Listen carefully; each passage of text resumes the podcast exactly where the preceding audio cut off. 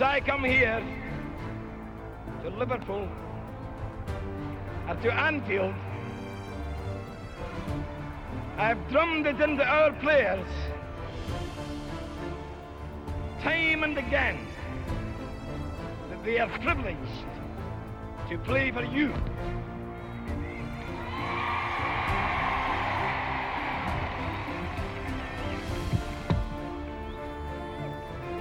Didn't believe me, they believe me now. Mella, lovely cushion header. For Gerrard! You beauty! What a head, son! What a head! Liverpool 3-0. Corner taken quickly, Origi!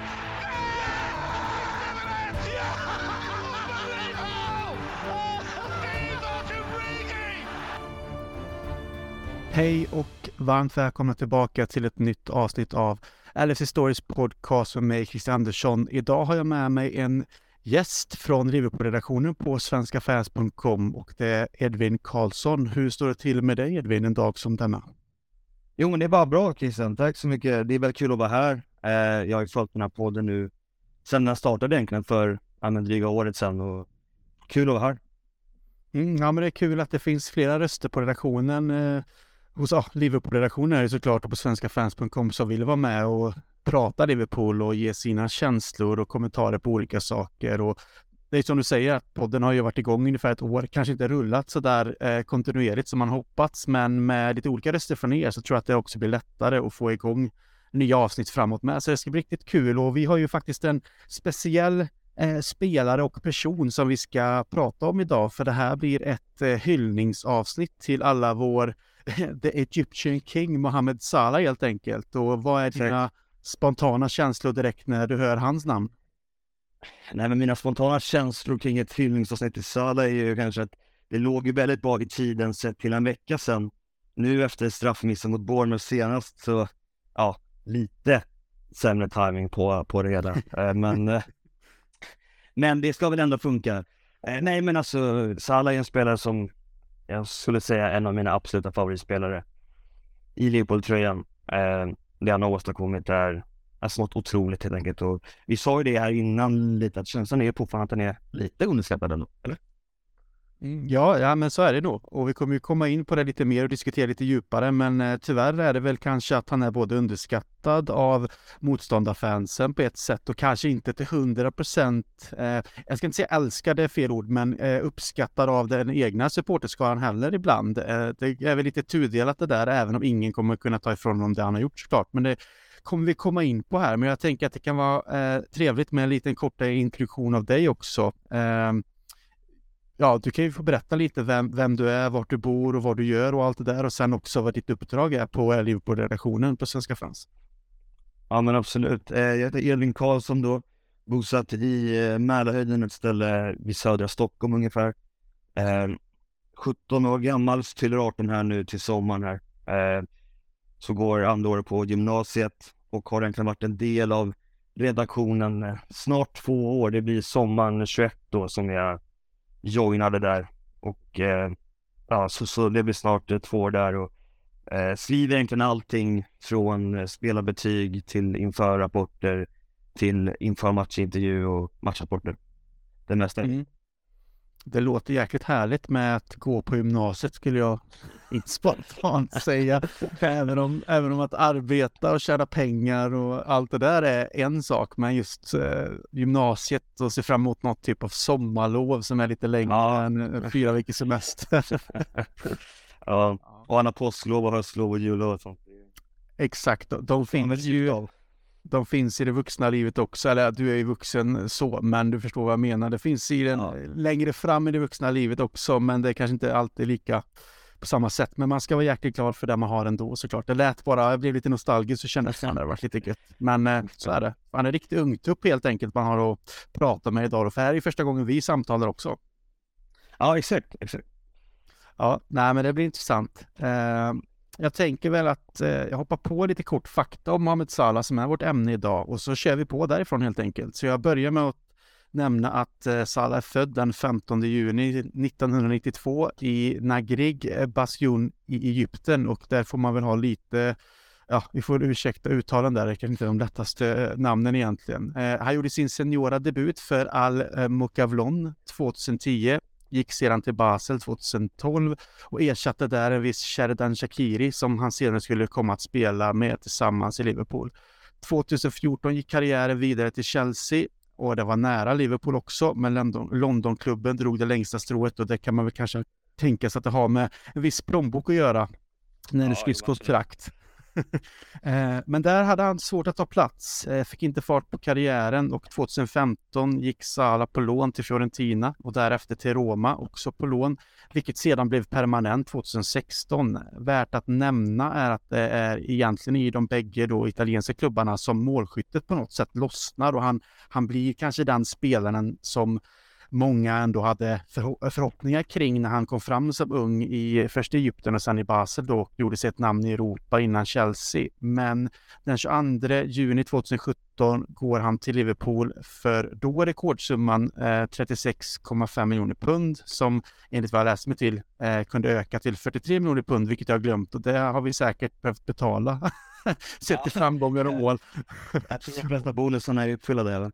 Ja, och sen är ju resten historia om man vill kalla det så. Ehm, men ja, vad tänker du kring Sala när du hör de här tidigare åren i basen? Då var ju du eh, också relativt mycket yngre. Kommer du ihåg någonting från det eller är det mer bara Liverpool-tiden som liksom ligger hos dig som är nära minne? Nej, men om jag ska vara helt ärlig så som du är inne på Basel, Chelsea, Fiorentina-tiden där. Där har jag inte jättebra koll. Det var mer i Roma som jag började ja, man mm. förstår lite vem det är och det om jag ska vara fullt ärlig är nog mest att tacka de här Fifa-spelen då. Där det då fanns en snabb, snabb ytter i Roma liksom. Eh, som var bra att, använda. Eh, så, det var väl där jag bildade min första uppfattning om Salah liksom. Mm. Skulle jag säga. I Roma, ja. tror jag. Ja, men det förstår jag och det är som jag nämnde här innan också. Så jag menar, så pass ung som du är så jag förstår att någon går man tillbaks till 2012, 2013 där när det var eh, Basel-tiden där. Så det har ändå, det är ju liksom många år sedan nu. Eh, och jag tänker väl också på att jag kommer ju ihåg eh, att Salah var på väg till Liverpool. Hade inte jättestor koll på honom, men visste att han hade varit spännande i Basel utan att vara så här super, ha någon slags superkoll på honom såklart. Men kände väl att det här skulle kunna bli uppfriskande för klubben vart den befann sig eh, där och då.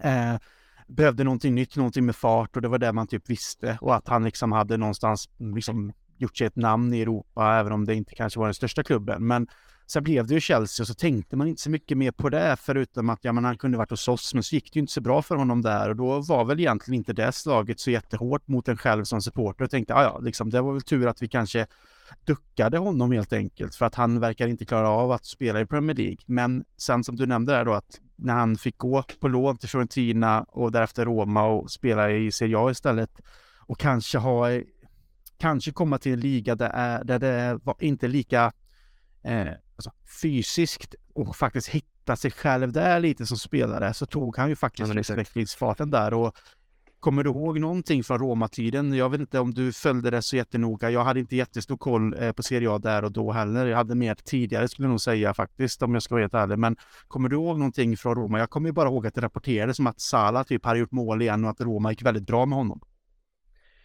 Nej, men jag är väl ungefär lika blank där. Alltså, eh, ändå så pass väl att jag visste vem det var när han värvades sommaren 17. Då visste jag ändå, mm. då, då, kände jag namnet och visste ungefär vad man kunde förvänta sig av spelartypen. Men jag kan inte på rak hand eh, liksom ta fram någon extraordinär insats som jag har kollat på Sala i Roma. Eh, utan snarare som, som sagt, han hade väldigt bra Fifa-kort eh, i, i, i slutet där ja, jag tycker att det är lite skönt ändå med just Fifa. Jag förstår, ja, men jag förstår ju att det är bildande med. Jag spelade Championship Manager i början av 2000-talet när de kom, liksom 001 och 0102 versionerna och där, jag tror fan aldrig att jag haft så stor fotbollskunskap åren därefter, alltså kanske de tio kommande ja, åren som jag hade då liksom. För då var man, kunde fan nästan varenda spelare i varenda lag i hela Europa kändes det som, i alla fall i de större ligorna. Så att det där är ju inte konstigt egentligen. Men eh, jag, jag, är, alltså jag som är äldre än dig, jag har ju heller inte koll på Sala i Roma förutom det man läste sig till och man såg något liksom, kanske inslag på sporten eller att man tittade på någonting och fotbollsmässigt som visade något. Så det enda jag vet att ja, men Sala var där och sen såklart eh, att han gjorde ett avtryck. Det var inte mer än det. Men sen så kom ju den här övergången till Liverpool då som du säger 2017 och jag vill väl påstå att liksom tittar man tillbaka på hans karriär så var det väl ingenting liksom tidigare som trots hans spännande spelstil som du nämner här att han hade en typ av spelstil som var, han var snabb, han var oberäknelig och allt det här. Men det fanns ju inget som indikerar att han en dag skulle bli vår bästa målskytt i Premier League någonsin. långt. Han hade liksom talang, det fanns inget tvivel om. Eh, och att Liverpool var intresserade 2014 säger ju ändå att det fanns någonting de var intresserade av där i honom och kunde se någonting. Men jag kan ju ändå tänka mig att hans väg i karriären och de valen han gjorde trots att det blev Chelsea istället för oss, men senare då via Italien innan det blev Liverpool. Det kanske ändå var rätt väg om du förstår vad jag menar. Hur tänker du kring det? Jo, men jag tror verkligen det. Alltså, jag är väldigt imponerad av en sån väg också. För vi, vi har sett många talanger som blir hypade vid ung ålder och går till en stor klubb och sen har man inte av dem egentligen. Eh, men Salah har ju verkligen motbevisat det och läste mig till lite hur han har jobbat liksom även med det mentala under den här perioden. För att det är ju klart att du kommer som ung till Chelsea, det lossnar inte där, tränaren tror inte på dig. Det är lätt då att hamna i en, en rejäl liksom svacka även mentalt. Men, mm. men då att han eh, alltid har liksom strävat efter att men jag ska minsann motbevisa dem, de som tvivlar liksom. Och att de har jobbat mycket med meditation, visualisering, och att han även när han kom till Roma tydligen då har hyrt ett hus och byggt en träningsanläggning till det huset och tränat skott utanför. Och sånt tycker jag ändå visar på en, jag menar, en extraordinär mentalitet. För jag tror det är många som kanske viker sig undan där efter det tuffa Chelsea-året. Mm. Ja, men det är intressant också att du nämner det där, för just den här viljan också hela tiden vilja bli bättre. Eh, att kanske som jag sa, han har en talang men det finns många delar i hans spel som han antagligen har utvecklat genom hårt arbete. Eh, han har tagit hand om sin kropp väldigt väl, det vet vi. Eh, liksom nu när han är liksom över, eh, när han är runt 30 och går mot liksom den, de, de sista åren egentligen i sin karriär är han ju ändå en sån spelare likt Cristiano Ronaldo egentligen som skulle kunna, säkert kunna spela i en 5, 8, 10 år till kanske om han får vara skadefri på grund av att han tar hand om sig själv så pass väl. Men som du säger också att han bygger de här träningsanläggningen för att kunna eh, vässa sina fotbollskunskaper och sina attribut och kvaliteter också genom att kanske träna avslut eller vad det nu än kan vara. Det, det tyder även på liksom en, en mental styrka att veta att okej, okay, jag behöver kanske göra det här för att eh, bli bättre och uppnå vissa nivåer jämfört med andra som kanske också har talang men inte lägger ner samma arbete som kanske heller inte når samma framgång i det långa loppet. Nej men exakt. Och eh, jag tror verkligen det här att eh, det här med att han har nu fått liksom motbevisad just i England har nog betytt extra mycket då. Han hade många kritiker som har varit inne på innan och vi vet ju mediebevakningen i England den kan ju vara väldigt hård mot sådana typer av spelare som misslyckas liksom. Och att då få motbevisa alla kritiker, inklusive Chelsea, sin gamla klubb, flertal gånger, det känns då oerhört skönt. Mm. Och som vi sa det här, att in, ingenting indikerar egentligen att han skulle bli liksom Liverpools bästa målskytt i Premier någonsin, men eh, i alla fall inte när han var i, i Chelsea och där inte målskyttet lossnade, men det började göra det i, i Serie A sen, men de siffrorna var ju heller inte på något sätt. De stod ju inte ut riktigt heller. Det var väl någonstans runt 15 mål så här, och det är ju bra. Alltså det är bra för någon som spelar ändå liksom till höger och ytter så. Men det är ingenting som liksom är det här wowiga. Men det ändrades ju när han kom till oss första säsongen där, vilket är helt sjukt egentligen om man tittar på det att ingen kunde väl ana att han skulle göra totalt 44 mål på 52 matcher, varav 32 mål i Premier League på 36 matcher och, och det då som en högerytter i ett 4-3-3. Nej, det är otroligt. Och, och som du säger, 15 mål, eh, mål i Serie A, det är inte en dålig statistik. Men 32 mål och ett brutet rekord i Premier League, det, det är en helt annan grej. Och det, som du sa, jag hade inte sett det innan. Eh, utan snarare var osäker till liksom, ja, nu har vi både Mané och Salah. Det känns två rätt så lika yttrar som gärna, alltså visst absolut bra en mot en, oberäkneliga, snabba, men har de det där, det där målskyttet i sig men det motbevisade ju Salah bara efter några veckor och visade på en otrolig avslutsförmåga. Jag var faktiskt där när han slog det där rekordet, det 32 målet eh, mm. mot Brighton hemma. Eh, och det var ju, om jag inte minns fel, så han hade väl 31 ett tag och så höll han på att ställa till det och inte få det där 32. Han hade några matcher där i följd utan mål minns jag. Och då blev man lite, ska han, ska han Ja, det kanske- det här nu? Ja, det kanske smög sig på en nervositet där, men eh, hur var känslan på plats då när han eh, satte sitt 32 mål? Nej men det var ju eh, mäktigt såklart. Det var ju historia som, som skrivs där och då liksom. Och man såg även på, på, på hans reaktion att det där betydde något extra. Det där var inte bara ett 1-0 mål mot Brighton i en rätt så obetydelselös sista match utan eh, det var verkligen, ja men historia skrevs. Men vad tänker du om hans debutsäsong överlag då? För jag tänker ju ibland så när jag ser tillbaks på det, trots att han, vi kommer komma in på statistik här eh, om en liten stund här, men trots då liksom att han gör den här eh, megasuccé-säsongen eh, när han kommer till oss med alla de här målen så eh, det känns också som att den här höga nivån som han lade då, där och då redan, har det varit något som också har hämmat honom framåt? Förstår du vad jag menar? Att de här Ja, kraven från oss supportrar och liksom alla bara, men det är klart han ska göra typ en 25-30 mål per säsong minst liksom. Men ändå får man ändå tänka att det är otroligt höga siffror i Premier League och särskilt när du inte heller spelar som en renodlad striker liksom, som är den som ska göra alla mål utan du har en position till höger. Nej men verkligen och, och där tror jag ju, jag minns ju mycket, det var mycket snack där efter hans debut säsong att det är en one season wonder. En Minshew typ liksom. att det är någon sån som, eh, ja men gör en bra säsong, har tur, hittar rätt med målskyttet och sen egentligen bara försvinner. Så det minns jag, det, det läste man mycket liksom och det var väl det som rivalfansen ville liksom. Men eh, sen tar det väl, han gör väl mål liksom i, i, i mot West Ham i premiären året efter och, och det visar bara på att det är en konstant målskytt liksom. Mm. Nej, man var väl lite nervös för att, som du säger här, att det är den första säsongen, allting flyter på, men nu gäller det på något sätt eh, backa upp den säsongen med att ändå kunna göra en helt, alltså en, en, en bra säsong i Premier League sett till statistik, men eh, och hur, vad man såklart kan bidra med eh, för, för, för mål när det kommer till framgång. Men jag tänkte, jag har lite statistik här som jag läser upp, så kan vi diskutera det sen också. Um, som vi nämnde då, säsongen 17-18 så är det 52 matcher, 44 mål, 16 assist eh, totalt då. I Premier League 36 matcher, 32 mål, 11 assist. Eh, säsongen 18-19 eh, så är det totalt 52 matcher, 27 mål och 12 assist. I Premier League 38, 22, 10. Säsongen 19-20 är det totalt 48, 23, 13 och i Premier League då 34, 19, 10. 2021 har vi totalt 52, 31, 6 och Premier League 37, 22, 5. Jag antar att alla förstår som lyssnar att det är matcher, mål, assist jag räknar upp här då. Eh, sen är det säsongen 21, 22, 52, 31, 16 totalt och i Premier League 35, 32, eh, 14 och sen är det eh, 22, 23 då, alltså den här säsongen hittills ska vi då prata om att det är 38, 22, 11 totalt och i Premier League 26, 11, 7.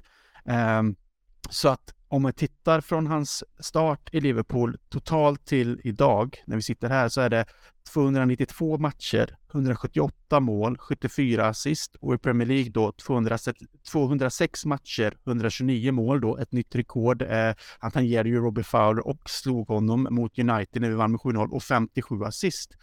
Tittar vi alltså på totalen då, om vi räknar in alla matcher han spelat här, så det är rätt så sjuk statistik ändå. Vi pratar ju om att han har inte ens spelat 300 matcher för oss, men han har gjort 178 mål, men han har faktiskt också gjort 74 assist, vilket såklart, ja, det säger väldigt mycket om honom som högerytter och rätt så bra för en one season wonder då. Alltså, ja, men exakt. Det är otroliga siffror. Man slutar aldrig förvånas när man läser dem och man tänker att det, det är väl någon siffra för, för mycket, men det är verkligen inte det. Det är sant och det är, nej, det är otroligt. Och som du är inne på, de här assisterna ska man inte underskatta heller för att jag minns att det var ju en period där det var snack om att han var så självisk och tar så mycket eh, av- avslut och vill bara vara i rampljuset själv. Men vad var det så 74 assist eller? Ja, precis totalt då. Sen eh, då är det eh, 57 i Premier League när jag eh, tog Ja. ner det innan idag. Och jag, jag får väl ändå säga, jag, hoppas att alla siffror är totalt rätt här. Sen kanske man har missat på någon, men det tror jag inte. Jag dubbelkollar lite, men, men det är ändå väldigt, väldigt nära eh, rätt statistik när jag kollar på det i alla fall. Så att, men jag menar när du tittar då 74 sist totalt, men 57 i Premier League och, och du nämner också en spelare som kanske sägs då vara självisk för att liksom göra mål och allt det här, men tittar man liksom på att man har gett 57 målgivande passningar i Premier League då som någon annan har gjort mål på, eh, plus de målen man själv gör. Det är, det är otroliga siffror. Verkligen, och får jag bara följa upp det med lite statistik. Jag har faktiskt här på hans facit mot eh, de, eh, the big six så att säga. Mm, absolut. Som att det oftast brukar vara en, en följetong liksom, ja visst man kan göra mål men gör man mål i de stora matcherna mot de bästa lagen och så vidare. Eh, och det kan jag säga att det har han gjort. Eh, han har alltså 55 mål och assist på 70 matcher mot de stora sex i Premier League. Och det är, det är rätt så bra. Ja, och tittar man nu senast när vi pratade om mötet med United som är våra största rivaler historiskt sett liksom så nu är han ju på 12, nu är han ju uppe på 12 matcher, 12 mål. Eh, ja.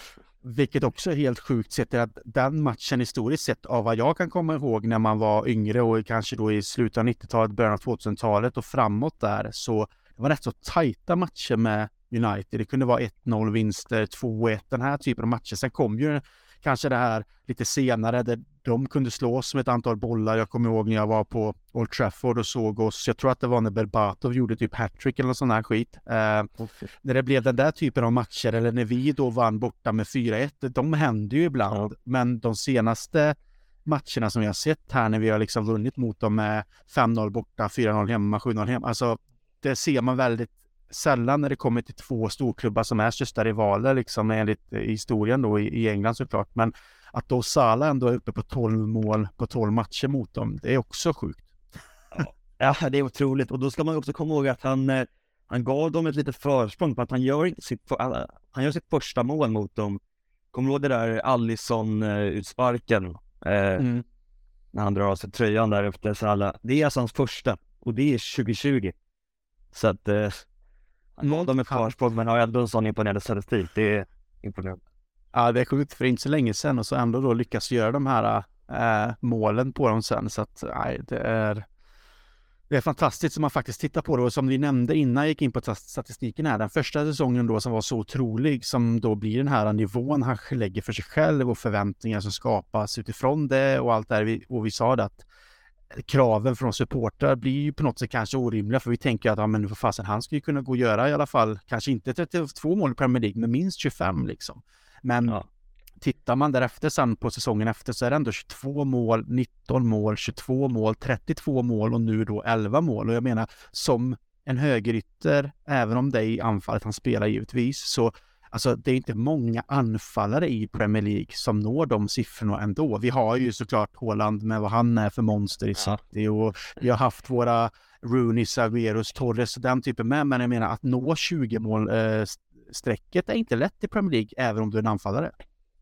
Nej, verkligen inte, verkligen inte. Och, och att göra det så konsistent som han har lyckats göra, nej, det är otroligt imponerande. Och, och, det, och det är som jag sa förut, alltså, man slutar ju aldrig imponeras av de här siffrorna. Man tror ju alltid att, ja men nu har väl någon räknat fel här, men det är ju korrekt och det är otroligt. Ja, verkligen. Eh, och sen så kan man även nämna då att sen Salah kom till Liverpool så har ju alla säsonger inneburit framgång för klubben eller för honom personligen då. Och mm. jag tänkte dra det lite kort också här och så här ser det ut fram till idag då. Han har blivit vald till African, uh, African Football of the Year 2017-2018, skytteligevinnare i Premier League 17-18, 18-19 och 21-22. Um, årets spelare i Premier League 17-18, eh, med all rätt då såklart. Uh, Champions League-vinnare 18-19, vann VM för klubblag 19. Premier League-vinnare 1920, Uefa Supercup-vinnare 1920, FA-cupvinnare 21-22, Ligacup-vinnare 21-22 och sen då såklart, även om man inte räknar med den, så Community Shield vann sen då 22-23. Och det säger också en del att han har ju ändå haft framgång varenda säsong sedan han kom till oss då såklart med att han bidrar med sina mål men också då när vi inte har vunnit så har han ändå varit så pass bra att han har fått andra utmärkelser och det säger också en del om, om någon som såklart då fick de här kraven på sig men som hela tiden på något sätt har levererat även om det kanske inte har räckt hela vägen fram. Vi har ju tyvärr förlorat en del finaler under tiden också så att eh, titlarna hade kunnat vara mer men när man tittar på vad han har faktiskt åstadkommit och vunnit så går det fasen inte klaga heller. Nej, verkligen inte och det ligger ju någonting i det där du säger just att mål leder till titlar. Om man kollar på menar, Harry Kane i Tottenham eh, så är han lite hämmad över att han inte har någon titel på CVt. Eh, hans legacy, det är inte dåligt i Premier League, men det hade nog varit men, ännu bättre ifall han hade haft två, tre titlar på det där CVt. Och det är det som också jag tycker ut, utmärker Salah. mål leder dels till eh, individuella utmärkelser men också eh, framförallt till eh, eh lagtrofé.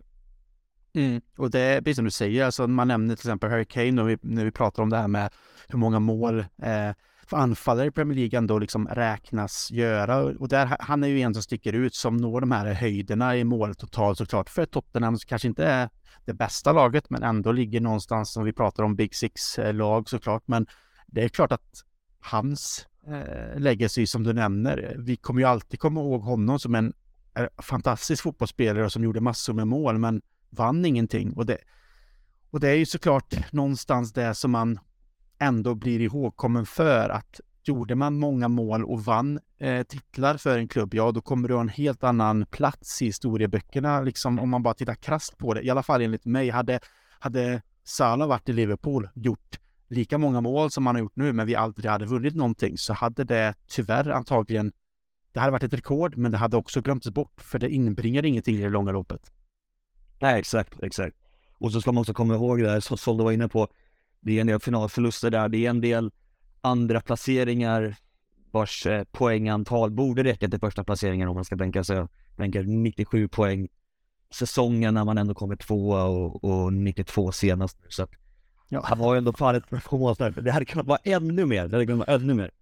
Ja, när du drar upp dem sådär så får man ju lite så ah, man får en liten så här djup suck som kommer från den faktiskt. Ja. Det, det, det, är som det är, men jag, jag det, ibland är det, jag kan bara dra det snabbt också och se vad du tycker när vi ändå är inne på det. Det är intressant diskussion det här med att liksom så här att hur en till exempel andra plats då i Champions League-finaler i, i Premier League så här, i, anses av, av många som ingenting då när det är etta som gäller och vinsterna som gäller. Men jag är ju någonstans med åldern utan att säga att nu är man inte svingammal. Jag fyller 37 i, i, i år, men man har ändå varit med under relativt lång tid och haft möjligheten att bo i England och följa nära och allt det här när det var en tid då vi var riktigt, riktigt dåliga.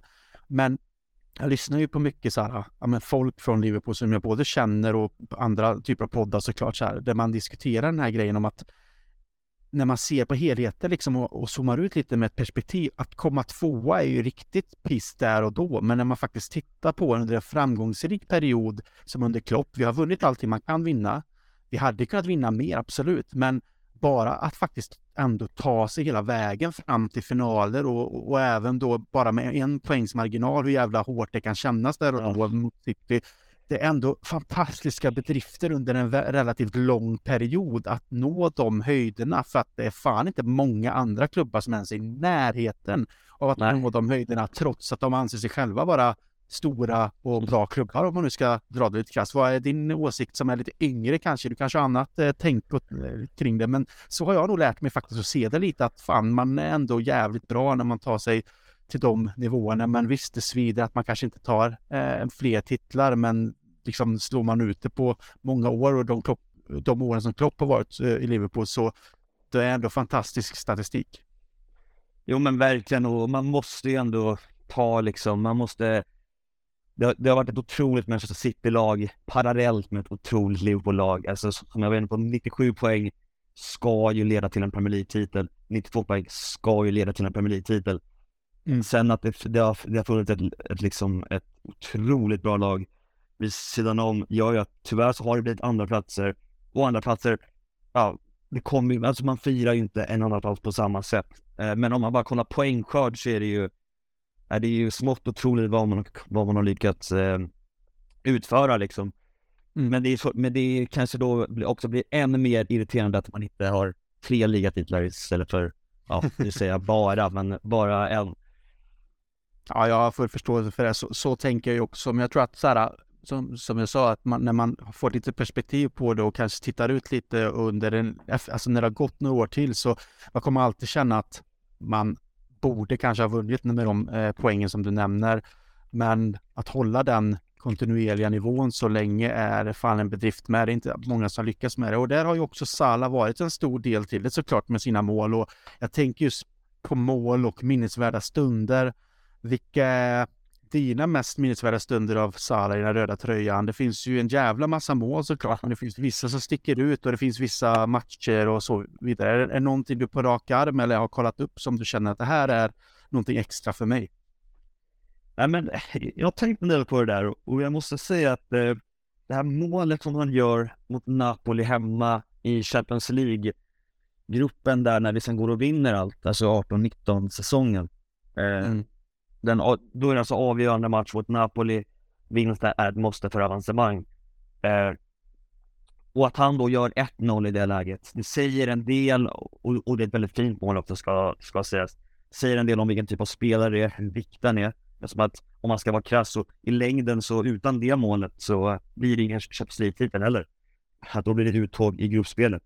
Att han, att han avgör en sån match vilket sen leder till en titel. Men också för att det var just den säsongen där det var lite snack om Once Season Wonder och ska man vara ärlig så var hans första höst där på 18-19 inte lika brännande som hans debutsäsong. Det är svårt att matcha den, men inte riktigt lika sådär wow.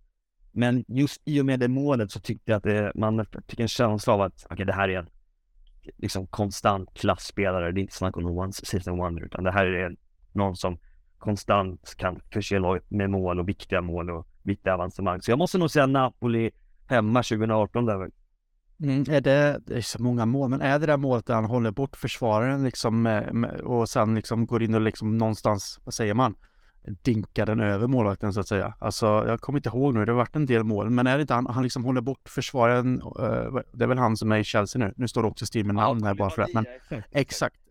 Och det är ju också starkt för att vara mindre än honom mot det monstret. Han är ju ett fysiskt monster liksom, han är ju fantastisk, men just att han, jag för mig bara att jag får upp den här bilden av att han håller bort honom så jäkla snyggt och sen liksom ser till att bara ja, trycka dit den. Och att det är väl samma match också som sen Alisson gör den där äh, Exakt. superräddningen med. Så att det är ju två moment där som gör att Salah gör mål och Alisson räddar en, ett, ett jävligt bra läge för dem som gör att vi sen då går vidare. Och det är ju på något sätt en milstolpe i den turneringen där när vi sen går och vinner såklart som du nämner. Exakt och den här, eh, den här Alisson-räddningen den liksom tar ju bort lite det symboliska värdet i det där Salah-målet. Att det man kommer ihåg från den matchen är ju främst som du säger kanske Alisson-räddningen. I och med att den ju blev väldigt, väldigt symbolisk. Men just den här symboliken i att Salah gör det på egen hand, tar oss vidare och eh, lite liksom suddar ut de här once season wonder eh, orden liksom. Mm. Ja, jag förstår. Jag, jag har även liksom kollat upp lite tidigare sen, men det som jag minns eh, lite rakt av så jag, jag kommer ihåg det här uh, out of angle målet han gör, PSG va? Ja när han liksom sätter den från egentligen ingen vinkel alls, vilket så här, man kan diskutera Sara väldigt mycket kring alltså, teknik och touch och avslut. Så han har inte, han är liksom inte bländande egentligen i på något. Han är bra på allt, men han har ju inte ja. den här super. Men att sätta den bollen liksom från den vinkeln är det är inte många som gör ens i världsfotbollen. Liksom. Den ska vara perfekt. Eh, sen har vi Chelsea-struten såklart. Det är ja, kanske mitt favoritmål. Ja, när han bryter in och bara liksom avlossar vänstern och där då, där får han ju till ett ordentligt avslut som man hade önskat att man kunde se mer av honom om nu ska ge han lite kritik också. Där hade jag velat se mer det här liksom ordentliga avlosset som han kan ha. Det har han ju ändå bevisat det även i i fallet med Everton-krysset i snöfallet när han liksom tar sig in ja. där och sen curlar bort den. Vi har den långa chippen mot Man City nere som skjuter ut en fel. Vi har dribblingarna mot Watford, Tottenham och City. De här otroliga, lite ja. Messi-målen kan man väl kalla dem. Ja, eh, Arsenal-kontringen såklart, när han springer förbi, jag kommer ihåg det här Inside Anfield, vad det heter, när de visar målen och det här, där han springer förbi och man ser inifrån arenan och liksom han är, han är först och så kommer ju alla Arsenal-spelare efter sen och man ser honom bara i liksom en sekund genom eh, spelargången då, de har filmat därifrån. Och så är det väl någon som har lagt på en sån här eh, jagande Eh, jingel som man kan höra i typ tecknade filmer. Så här, det är så jävla roligt för han försvinner ju bara och alla andra efter honom. Det är också ett fantastiskt mål. Och sen har vi ju Alisson-assisterna som du pratade om också innan här, till exempel mot United.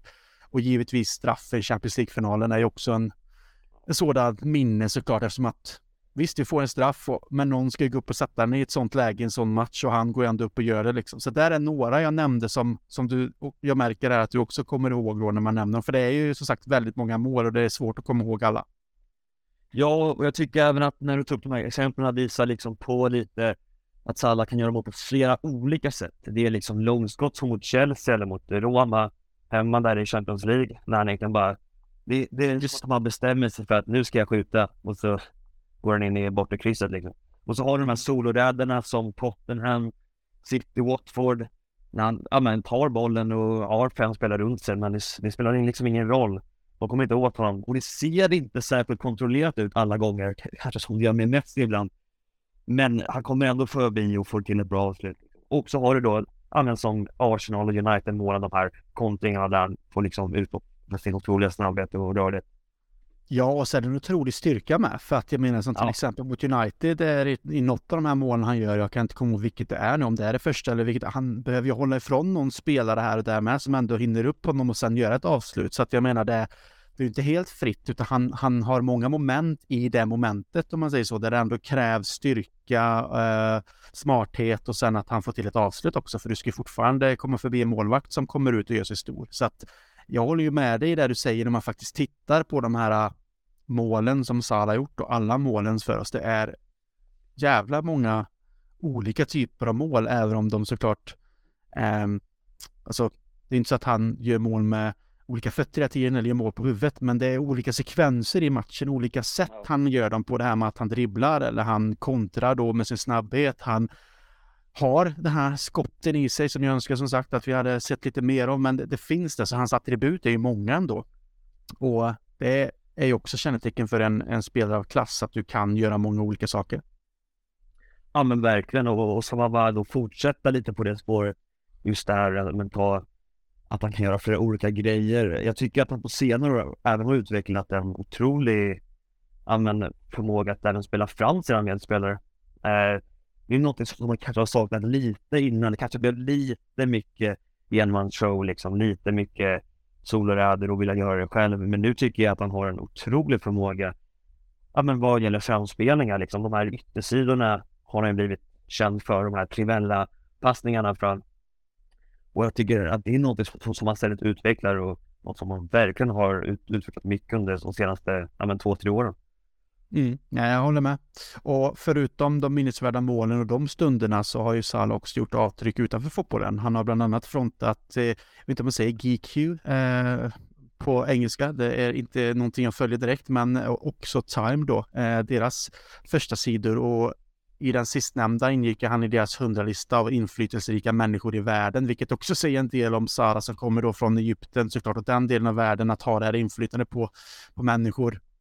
Och synen kanske på både när det kommer till politik och religion och allt det, även om jag inte är någon som försöker blanda in så mycket i det, så har han ändå eh, påverkat människor på det sättet och han har även fått en vaxdocka på Madame Tussauds i London. Ja, jo.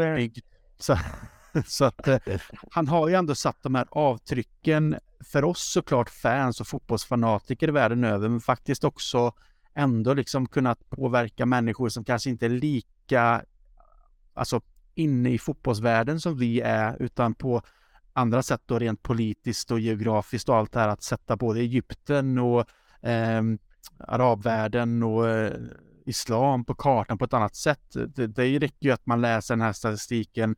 Nu är ju det ett tag sedan, men jag vet att jag läste den lite i förbifarten också, det här med att eh, hatbrotten, vilket såklart är tragiskt i sig, men alltså hatbrotten i Liverpool mot muslimer här sjönk ju alltså drastiskt efter att Salah hade gjort intåg i klubben och gjort så här. Och det, det är klart att det kan man säga vad man vill om, att, att, det ens, att det ens ska behövas, men att han kan påverka folk på det sättet genom att bara vara en professionell fotbollsspelare och göra de här avtrycken, det säger ändå någonting som gör att det, det, är fel på ett sätt, men det är också väldigt fint på ett annat, om du förstår vad jag menar.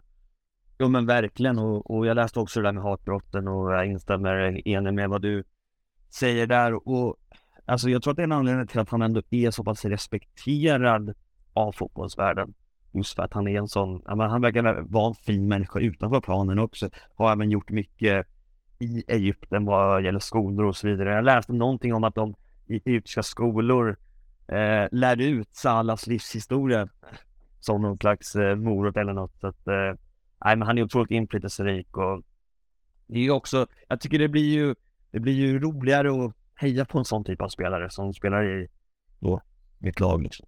Mm. Jag läste även ett citat, jag ska inte säga att jag liksom stannar vid det direkt, jag skummar igenom lite, men det var väl någon reporter som hade sagt att Salah är till och med en bättre människa än vad han är fotbollsspelare och då är han ändå en av världens bästa fotbollsspelare.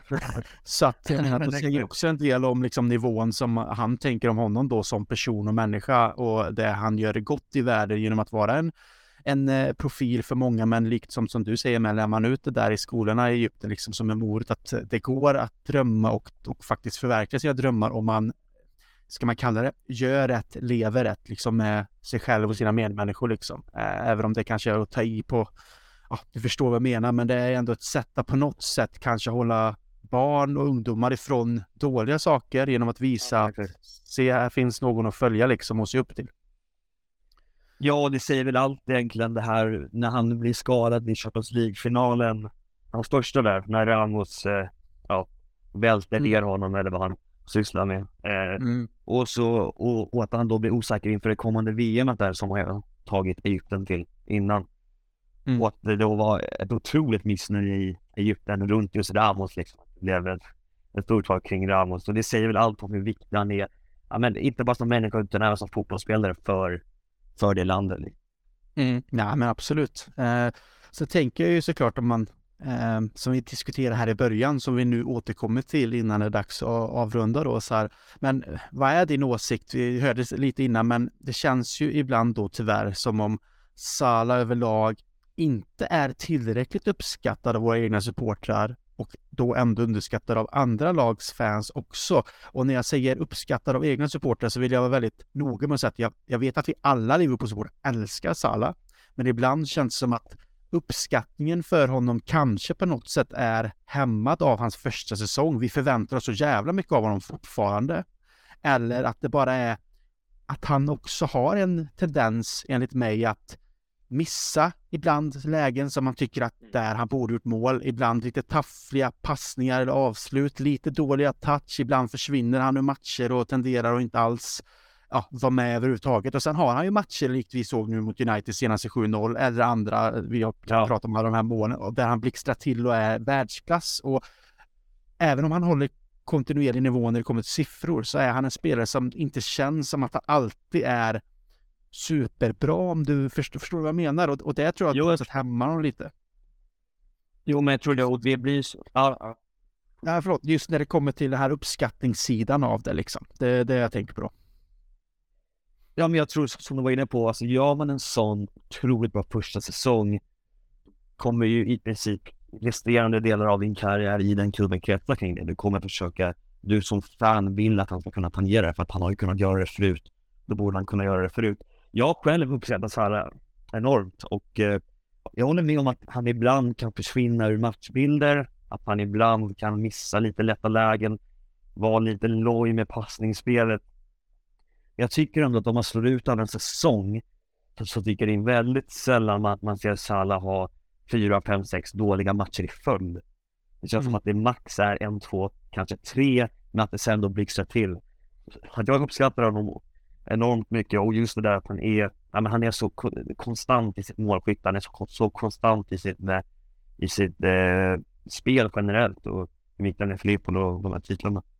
Mm. Och jag menar, ser man på det nu så är han ju våran eh, mest målskytt i Premier League genom historien någonsin med sina 129 mål och han kommer ju bättra på den statistiken och det kommer bli väldigt svårt för andra spelare efter honom att slå det. Då krävs ju att man ligger på de här siffrorna också säsong efter säsong och sen att man kanske kommer upp i Liverpool som ungdomsspelare och har många år på sig eller att man kommer relativt ung till Liverpool som till exempel en Darwin Nunez då utan att säga att man vet vad han tar vägen i sitt målskytte även om det det finns tendenser till att vara positiva vibbar nu när han ändå har gjort, vad är det, typ 14-15 mål någonting den här säsongen. Ja, men det är något sånt.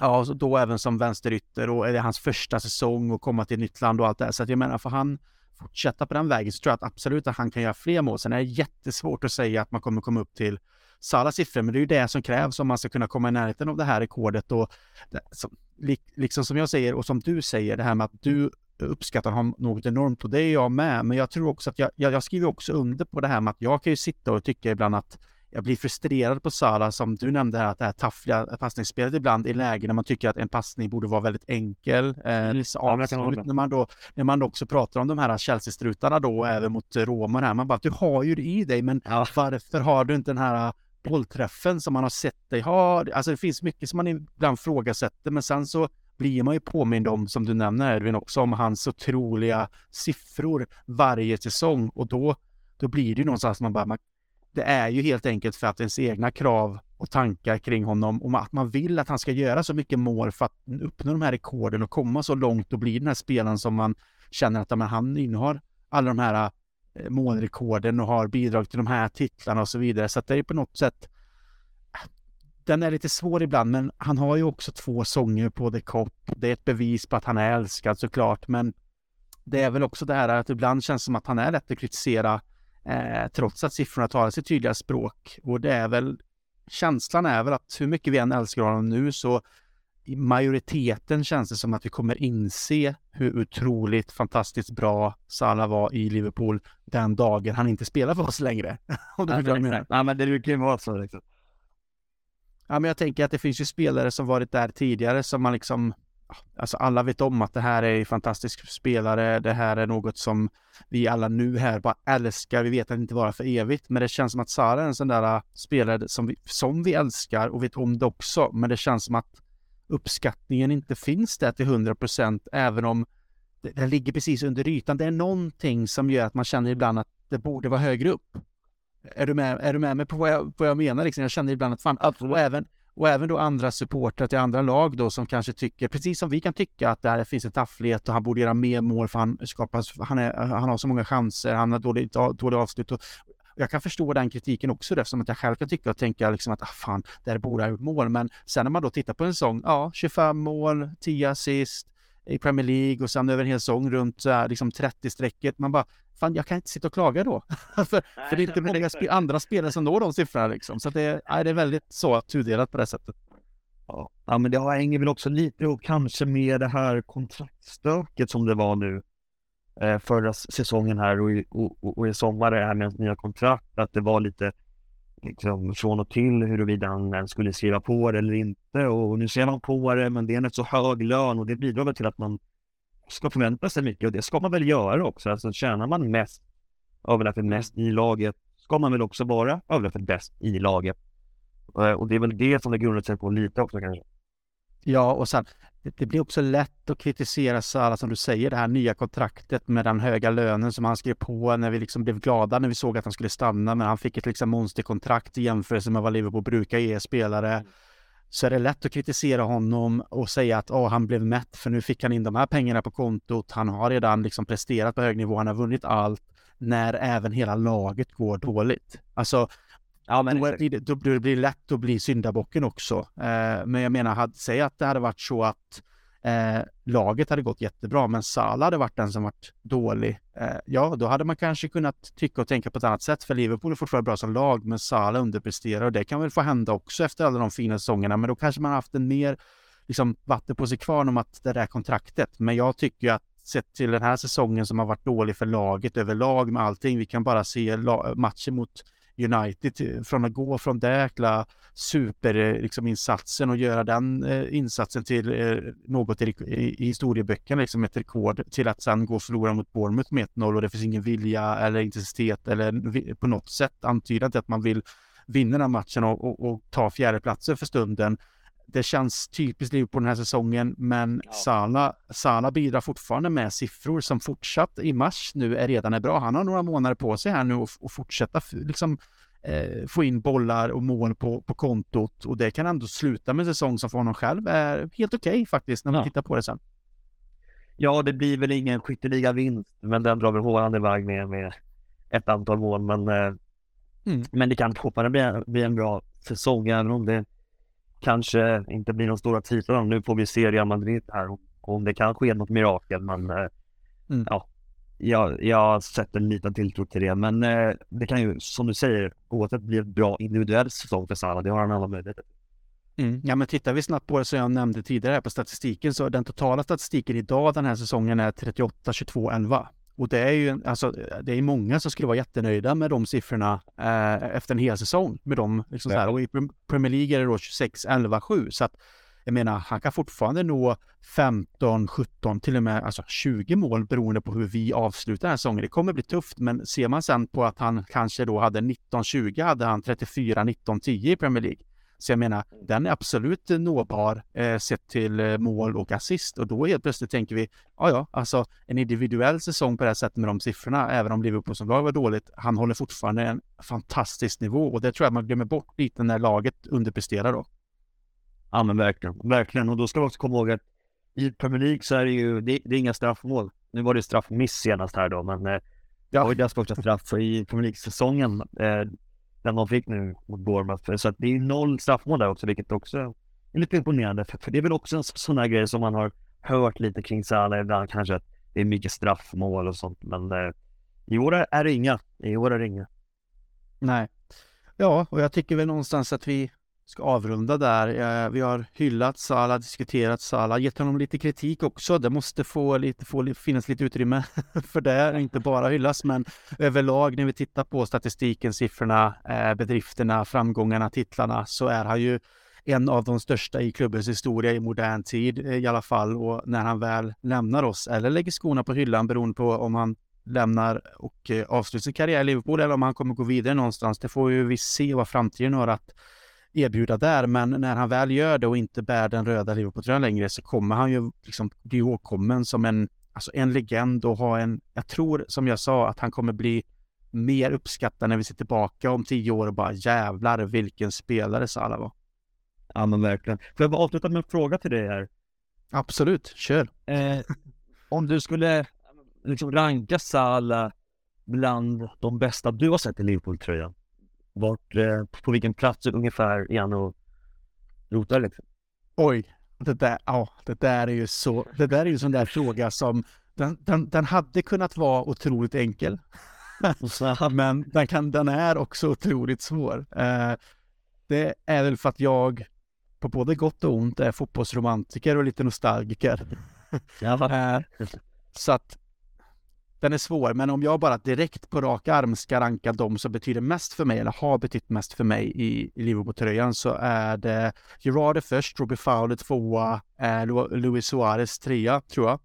Eh, så jag skulle nog säga att Sala, utan att direkt kunna säga det här nu, han kommer antagligen nå in på topp fem för mig.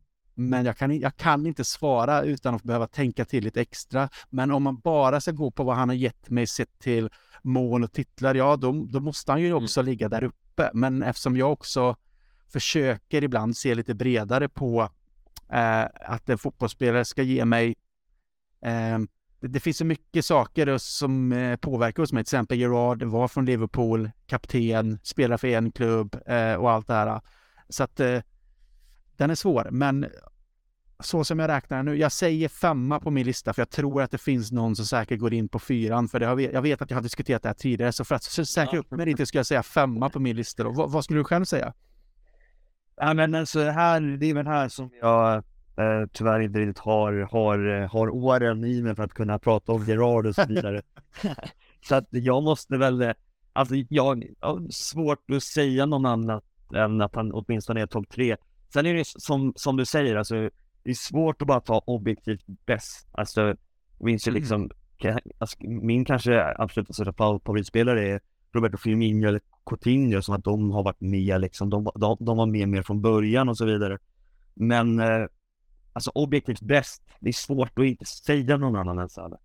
Mm, ja, men jag förstår det och ja, men det är det jag kan tycka också är fantastiskt med det här med olika generationer med. För jag menar, tittar man på eh, min pappas generation och eh, de äldre som man har pratat med, då har du liksom Kenny Dalglish och du har Graham Souness och den typen av spelare som liksom så många bara, men liksom, de, de här var bäst. Och så kan ju fortfarande fallet vara att de ha, hade den nivån på ett sätt. Men mm vi, vi går ju alla igenom tidsperioder med olika spelare, så för mig då blir det ju Gerard Carragher, Robert Fowler-erorna och Suarez såklart för att han är något av det mest jävla fantastiska jag sett på en fotbollsplan liksom. Eh, ja. eh, men sen så kommer ju du då som, kanske som du nämner att du har inte med tiden då, du har inte Gerard och Carragher i din, eh, på samma sätt för att du är yngre. Nej, så var det inte.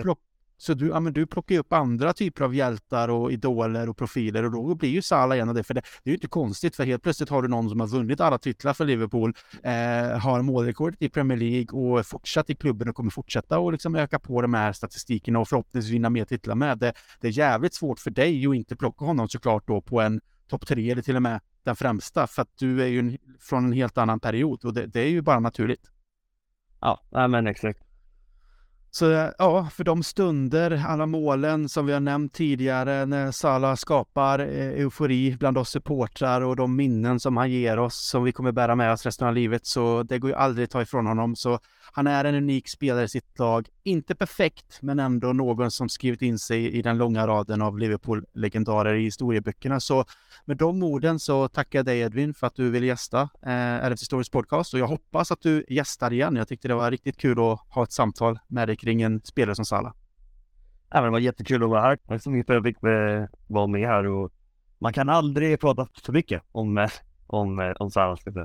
Ja, eller Liverpool för den delen. Det finns Nej. mycket och vi kan gräva ner oss i framåt också. Så att det är bara att lyssnarna, ni kan kasta på oss massa förslag också på sociala medier. Det går att följa oss på Twitter och Instagram och Facebook om man vill det. Och det är LFC Stories podd, eller LFC Stories podcast, hittar ni där. Så det är bara att kasta ut förslag om det så att man vill höra andra spelarprofiler eller andra ämnen så ska vi försöka ordna det. Men Tack så mycket Edvin och tack alla lyssnare för att ni har varit med oss den här gången och tills nästa gång så hoppas vi att vi eventuellt har gått vidare i Champions League. Det vet man aldrig. Vi får se. Salah kanske går och gör hattrick eh, och då står vi någon annanstans. Men vi får se helt enkelt. Så, så länge det finns hopp som man brukar säga. Men eh, tills nästa gång så får ni ha det så jättebra så hörs vi snart igen. I come here to Liverpool and to Anfield I've drummed it into our players time and again that they are privileged to play for you.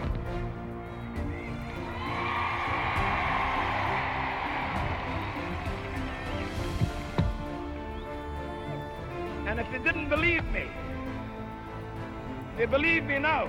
Mella, lovely cushion header. But Gerard! You beauty! What a head, son! What a! Liverpool 3 0. Corner taken quickly. Origi!